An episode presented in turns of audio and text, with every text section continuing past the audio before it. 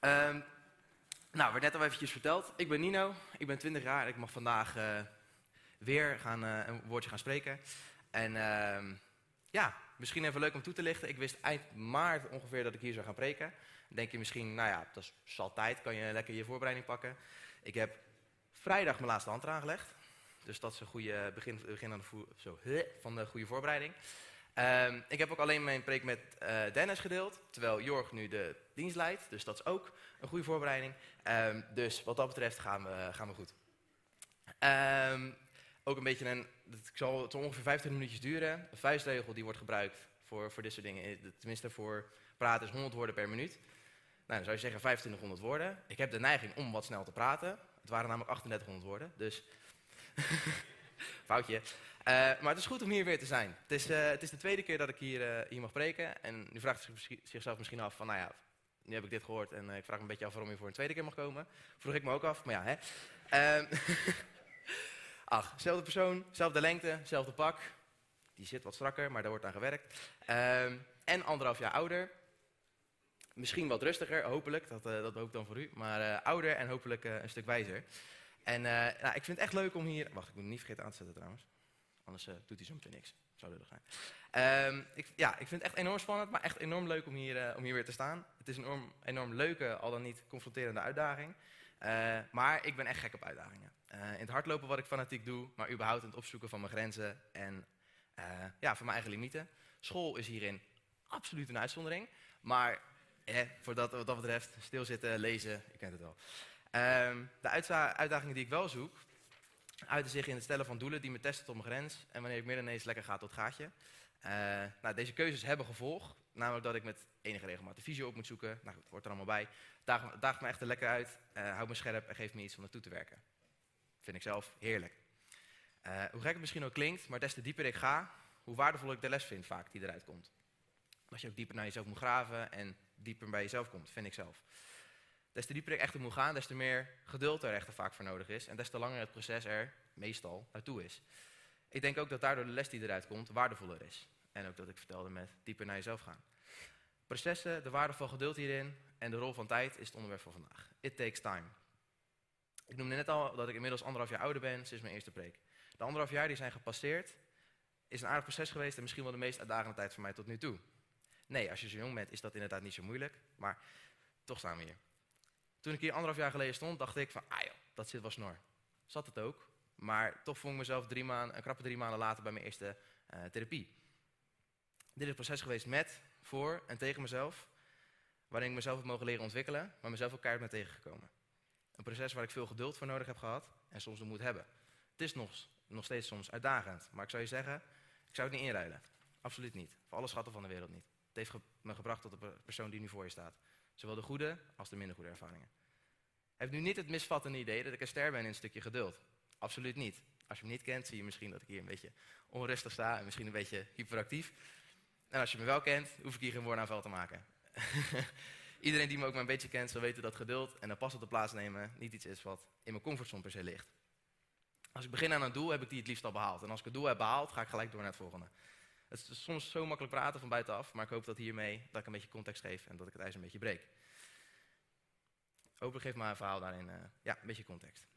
We gaan zo beginnen met lezen. Eerst een beetje uh, achtergrondverhaal. We gaan het verhaal lezen van uh, Genesis 17, vers 15 tot 22.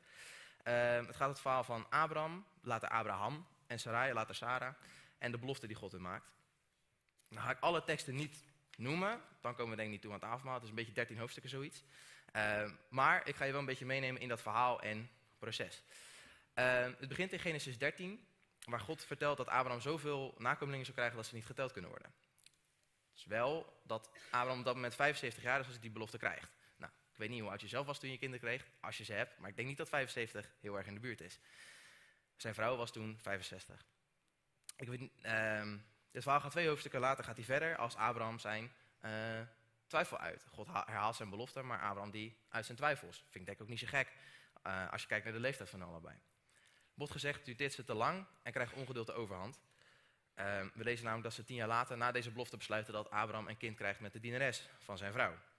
De kinderen van, zijn, van de dienares zouden dan zijn als de kinderen van zijn vrouw.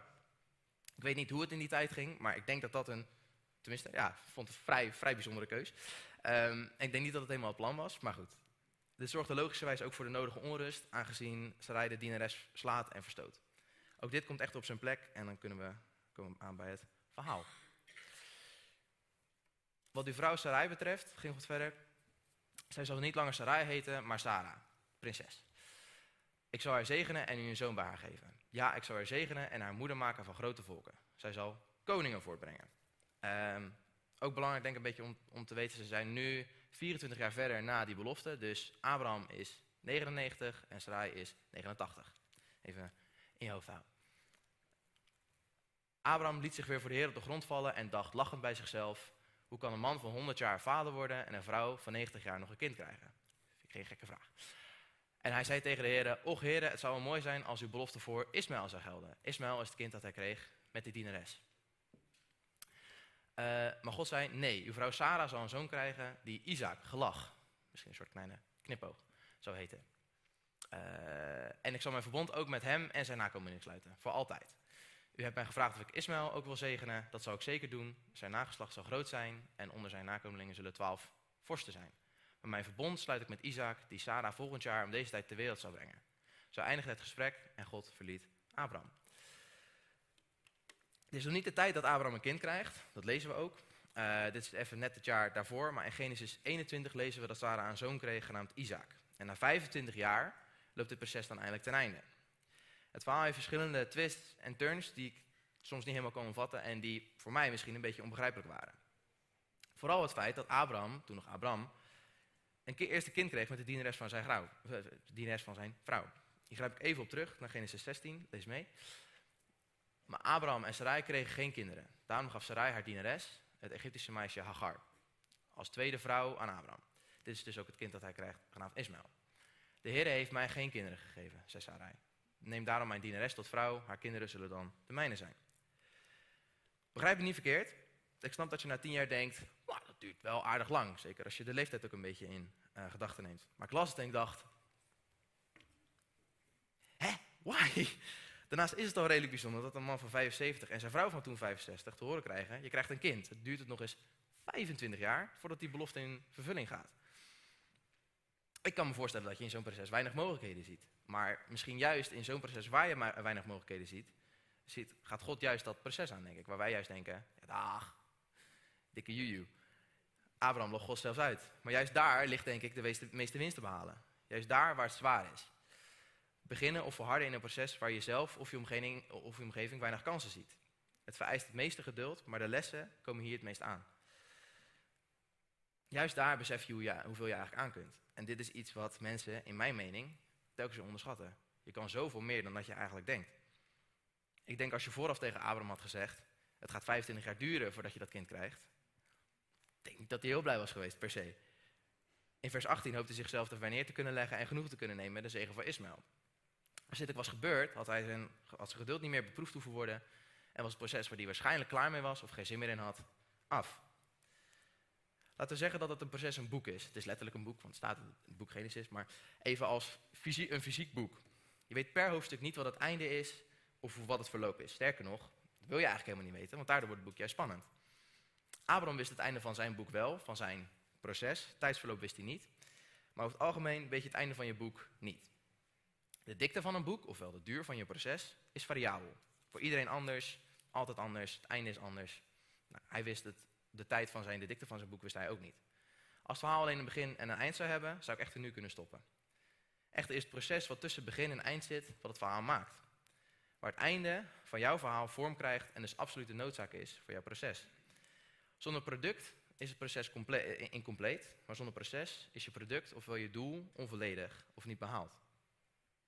Om echt een vooruitgang te kunnen boeken, letterlijk in je boek, om verder te kunnen in je boek, moet je die pagina's wel kunnen omslaan. Je moet verder. Je verhaal gaat verder. Soms staan we wat langer stil bij een pagina, even een pas op de plaats. Maar om uiteindelijk verder te kunnen, moet je die pagina om kunnen slaan. En moet je dat achter je kunnen laten. Begrijp me niet verkeerd, hiermee bedoel ik niet dat je de inhoud van die pagina vergeet. Absoluut niet. Die geeft je kennis, context en lessen in het vervolg van je verhaal. Tussen het begin en eind in dit verhaal zitten 13 hoofdstukken die het verhaal compleet maken. Juist dit deel van de tekst sprak me aan, omdat dit net bij de laatste loodjes van het proces. 24 jaar gehad. Nou ja, ik ben nog niet eens 24, dus geef voor mij een, uh, een leuk idee. Ik krijg te horen, nog één jaar. Nog eentje. De laatste loodjes wegen het zwaarst, ondanks dat je daarvoor al een heel wat langer proces hebt meegemaakt. Abraham ziet het dan eigenlijk ook bijna niet meer zitten. In dit proces kan het dan ook soms zijn dat je genoegen neemt, misschien met minder, omdat je het proces zat bent. Vers 17 en 18. Abraham liet zich weer voor de Heer op de grond vallen en dacht lachend bij zichzelf, misschien een beetje spottend, hoe kan een man van 100 jaar vader worden en een vrouw van 90 nog een kind krijgen? En hij zei tegen de Heer, och Heer, het zou mooi zijn als uw belofte voor Ismaël zou gelden. We zien dus een beetje een luchtig pessimisme misschien van Abraham. En hij denkt, ik heb al een kind, zegen die dan, dan, dan, dan is het klaar, toch? Maar een bepaalde volharding en een bepaalde hardheid ook denk ik voor jezelf af en toe, wordt denk ik dus ook wel van je gevraagd. In je geduld word je, word je jezelf beproefd, wordt je geduld beproefd. En soms moet je dan hard zijn voor jezelf. Je kan, een bepaalde verharding is daarin denk ik ook af en toe nodig. God houdt in vers 21 namelijk ook voet bij stuk. Maar mijn verbond sluit ik met Isaac, die Sarah volgend jaar om deze tijd ter wereld zou brengen. Het is geen terechtwijzing, maar het is wel, nee, dit is het plan en zo gaan we het doen. Ik ga het verhaal een beetje op een andere manier beeldend maken. Wat je ziet is een, uh, nou ja, foto van een zaadje dat geplant wordt. Die, die spreekt misschien een beetje voor zich. Maar uh, het, is een, uh, het is een videootje, het is misschien wel grappig om op te zoeken. Is een foto van 100, een foto, een filmpje van 115 dagen van een paprika plant. Die van zeg maar, een zaadje dat geplant wordt naar zeg maar, de volledig uitgegroeide ehm, plant. Ja, een paprika plant. Mijn vriendin komt uit Westland, dus ik moet even punten scoren.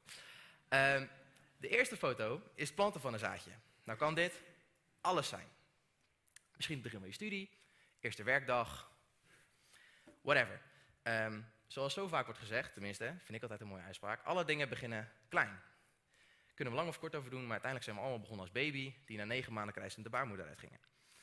Maakt niet uit waar je terecht komt, maar dat is, waar, dat is je begin. Net zoals elke plant begint met dat kleine zaadje dat de grond ingaat.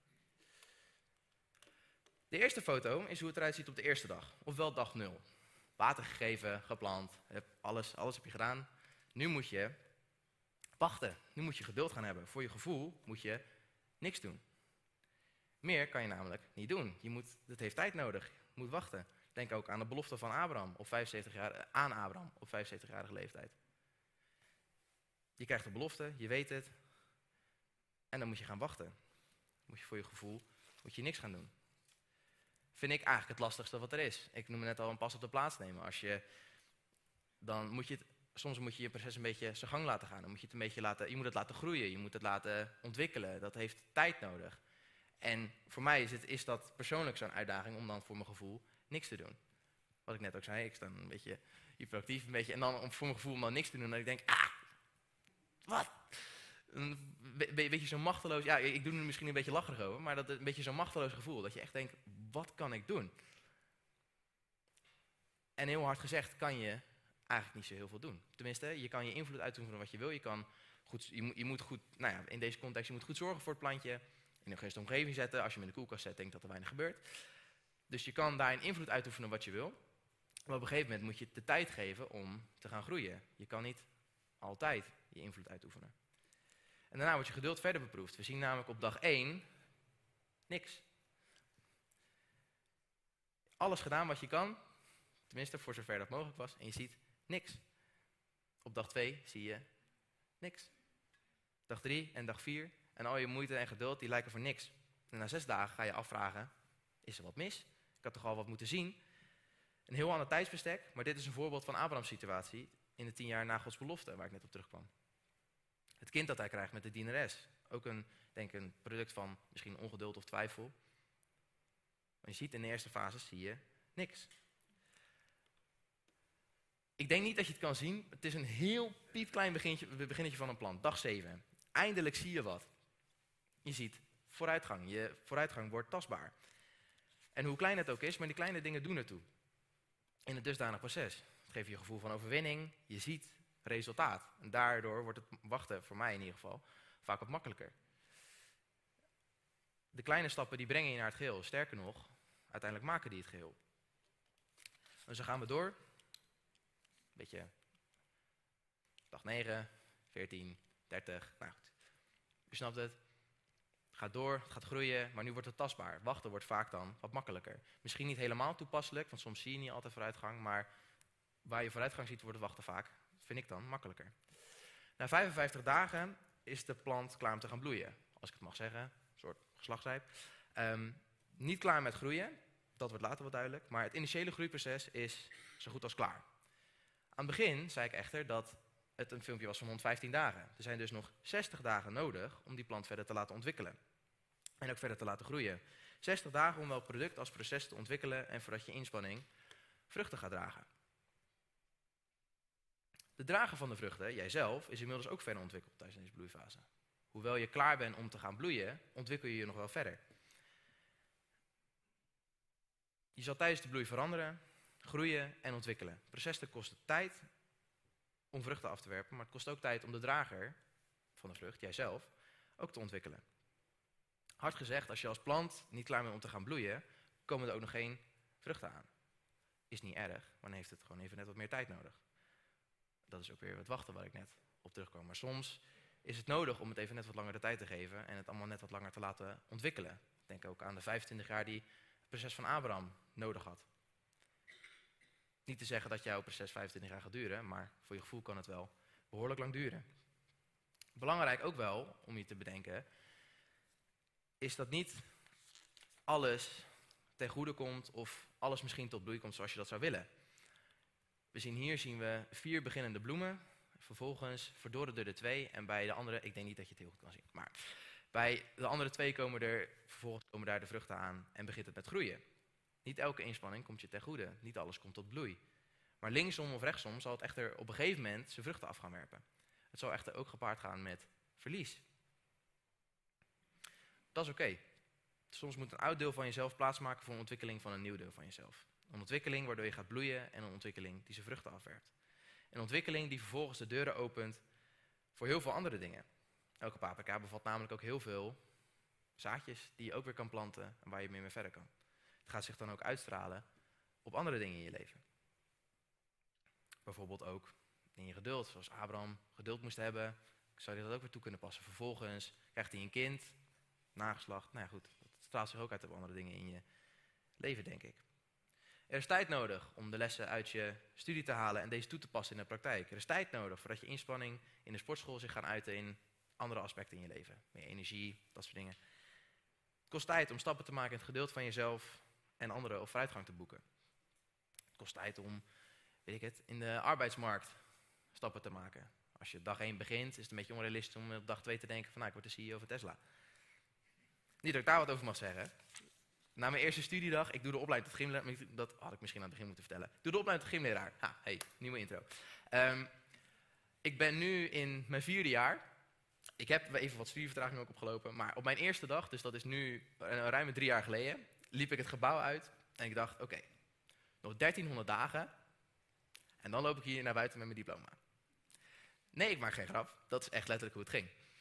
Hierdoor was ik ongeduldig ook in mijn opdrachten. Ik kon me niet voorstellen. Je begint dan. Kijk, ga ik even uitleggen hoe dat werkt. Je begint dan met het managen van een individueel vak. Dus dan heb je, je hebt meestal vier vakken in een gymzaal. En dan ga je eerst individueel ga je daarmee aan de slag. Dan heb je acht kids voor je en dan mag je daar mee gaan werken. En ik dacht, ik moet toch voor heel de klas gaan staan. Gewoon geef me dan die hele klas. Ik dacht, waarom begin je dan zo? Ja, ik, ik snapte het niet. Ik kon er niet met mijn hoofd omheen. Het ergste was nog dat er dan tegen me werd gezegd: ah paar jaar zie je dat plaatje wel. Is zo. Uiteindelijk is het ook zo. Maar op dat moment gaat het er dan niet in. Dan denk je echt, ja, daar koop ik nu niks van. Ja, dat is lastig. Nu doe ik dan ook wat langer over mijn studie, maar dat is oké, dat is lekker boeiend. Uiteindelijk zie ik het nu, tenminste, nou goed, ik kan geen, ik doe iets langer over mijn studie, anderhalf jaar moet ik nog. Ik zie het dan niet helemaal helder, maar kan ik niet anderhalf jaar naar de toekomst kijken. Lekker boeiend. Ik weet dat als ik mezelf blijf en me inzet voor mijn studie, me inzet voor, en ook ondertussen een beetje happy peppy blijf, zorgen dat ik een beetje gelukkig blijf, dat ik uitkom bij iets waar ik trots op ben. Hoewel je dat plaatje dan misschien niet ziet, maar dat je wel vertrouwen hebt in dat proces. En dat je geduld kan uitoefenen, dat je weet, nou ja, het komt op een gegeven moment komt het wel. Dit kost de tijd. Om dit te ontwikkelen. Ik ben drie jaar, nou ja, ruim, ruim twee jaar mee bezig geweest om dat een beetje voor elkaar, dat dat een beetje ging groeien en bloeien. Twee jaar daar, de twee jaar daarvoor waren het telkens van, nou, fuck, oké, kom op, ga door.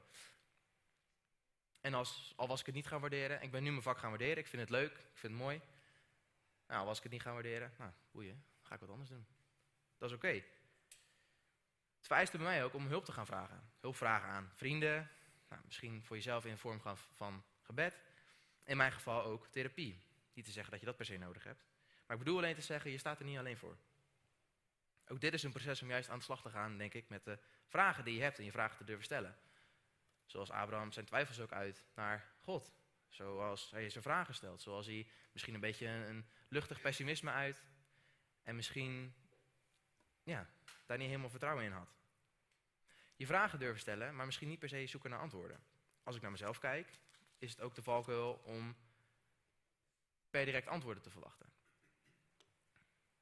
Soms is het goed om vragen te stellen en ja, soms komen er niet, misschien komen er niet altijd antwoorden, misschien komt het antwoord niet zoals je dat eventueel zou willen. Zoals ik net ook zei, Abraham die moest, nou tenminste hij moest niet, hij wachtte 25 jaar op zijn antwoord. Maar het geeft ook denk ik blijk aan het vertrouwen wat je hebt in een proces of je belofte, dat je wacht en dat je weet van oké, nou ja, weet je, dat komt zoals het komt. Niet om te zeggen dat je reis 25 jaar gaat duren, maar desondanks kan het voor je gevoel verrekte lang duren. Een plant groeit niet in één dag. Een wijnstok geeft niet per direct de lekkerste druiven. In Roemenië is er een wijnstok van 450 jaar oud. Nou ja, wereldberoemd. Het geeft nou ja, schijnbaar de lekkerste druiven. Maar geeft, wat ik ermee bedoel te zeggen is, ehm, dat het tijd nodig heeft om dat soort dingen te ontwikkelen. Ook de drager als het product. Als de drager zich ontwikkelt, ontwikkelt, ehm, ja, ontwikkelt het product zich ook verder. Dat gebeurt allemaal in dat proces. En aan het begin van mijn preek noemde ik mijn eigen proces, die zo'n anderhalf jaar geleden is ingegaan. Ik kwam bij de psycholoog, depressieve klachten, en ik had liefst gewild dat alles binnen die therapie gewoon lekker gefixt zou zijn. Hup. Gesprekken, pam, klaar, done. Drie maanden en zo acht gesprekken verder, en ik had genoeg tools meegekregen om het te gaan ontwikkelen. Inmiddels weer ruim een jaar verder en hier zijn mooie lessen gekomen, maar ook weer nieuwe uitdagingen. Vooruit gegaan, maar ik vind nog genoeg ontwikkeling in de punten waar ik mee wegging. Wat ik in de afgelopen anderhalf jaar heb mogen leren, en wat ik je ook mee wil geven, is nemen van de pas op de plaats. Ik kom er net ook al eventjes op terug. Maar het is zo belangrijk om soms de dingen te laten zijn voor wat ze zijn. Ik heb zelf de neiging om heel erg door, door, door, door. Gewoon alleen maar, gewoon alleen maar rammen, gewoon alleen maar door. Ik, gewoon ook, ook in mijn sport, met alles. Gewoon alleen maar pas, pas, pas, door. Maar je hebt tijd nodig om, nou ja, bij sporthoudend, je hebt tijd nodig om te herstellen en vanuit daar weer je groei door te maken naar je volgende. Letterlijk afstand nemen van een situatie kan echter enorm helpen. Even je herstel nemen. Je leest een boek, je slaat hem even dicht. Je neemt de informatie tot je, het verhaal neem je tot je, je doet hem weer open en je duikt erin met een nieuw perspectief. Daarvoor moest ik bij mezelf ook geduld hebben. Maar ook vertrouwen leren hebben in het proces, wat ik net ook vertelde, ook al zie je het eindplaatje niet, maar dan toch vertrouwen hebben in het proces. Los kunnen laten van antwoorden en te denken, het komt goed. Of het altijd lukt? Nee, absoluut niet. Maar hè, net een mens. Ik heb momenten dat ik diep, diep moe word van mezelf, omdat ik denk, hè, nog steeds? Really? Maar dat is oké. Dat is een proces, proces van tijd. Geduld opbouwen kost tijd. Ontwikkeling kost tijd. Neem je tijd. It takes time. Maar gun jezelf ook deze tijd om te leren en fouten te maken. Heb geduld. Echter denk ook dat het van mega belang is om jezelf te belonen en ook blij zijn met jezelf, met de stappen die je misschien wel maakt, hoe klein ze soms ook zijn. Wat ik achteraf wil vragen aan je, niet dat we gaan er niet mee aan de gang, maar misschien een soort nou, iets waar je over na kan denken. Wat als je vooraf had geweten wat van je zou vragen? Vooraf aan een proces. Vooraf aan, nou, als ik hem weer op mezelf betrek. Als ik vooraf had geweten aan mijn therapie van nou, anderhalf jaar daarna ben je er nog steeds, met sommige dingen ben je nog steeds bezig. Ik weet niet of ik er dan aan was begonnen. Wat heeft het dan voor zin? Ik, had, ik, ik zag er enorm tegenop om daar naartoe te gaan. Maar ja, toch ben ik het aangegaan. Als ik misschien had geweten dat het zo lang zou duren, was ik misschien niet eens aangegaan. Maar dat is zonde. Of als je een reis begint die voor je gevoel gedoemd is te mislukken. Of waarvan je weet dat het een lange reis gaat zijn. Zou je die nou toch aangaan? Ondanks het feit dat het op dat moment de juiste keuze lijkt om het niet te doen. En het eerder dwaas lijkt om er wel aan te beginnen. Sommige inspanningen komen helaas niet uit op het vuurwerk wat we hopen. Maar dat is wat het is. Toch zitten we hier. We gaan gelukkig altijd dat avontuur aan. De juiste en minder juiste keuzes maken je tot wie je bent. Het avontuur dat je aangaat, ook al weet je misschien niet waar het uitkomt, maak je tot wie je bent. Ik zou niks, zei het net ook al, ik zou niks, maar dan ook echt niks inruilen voor nou ja, wat je me ook zou geven. Echt niet. Enorm waardevol geweest en het heeft me gemaakt tot wie ik ben. De goede en juist ook minder goede gebeurtenissen en de goede, juist ook minder goede keuzes. Misschien. Die hebben me hier gebracht uiteindelijk. En hebben gemaakt tot wie ik ben. Tot wie ik ben. Hoeveel tijd er ook overheen gaat om verder te komen richting de volgende bladzijde. Het volgende hoofdstuk, de volgende afslag of het volgende doel. Alles is uiteindelijk deel van jouw ontwikkeling, ongeacht of je oogst, plant en zaait. Je bent en blijft altijd in ontwikkeling. Wat ik net ook zei, je staat er niet alleen voor. Je, daar zijn we een gemeente voor, daar heb je vrienden voor, daar heb je een huiskerk voor, daar heb je alles voor. En zoals ik de vorige keer ook zei, geloof ik heilig in het feit dat je daarin de mogelijkheid en zegen hebt om elkaar daarin te helpen.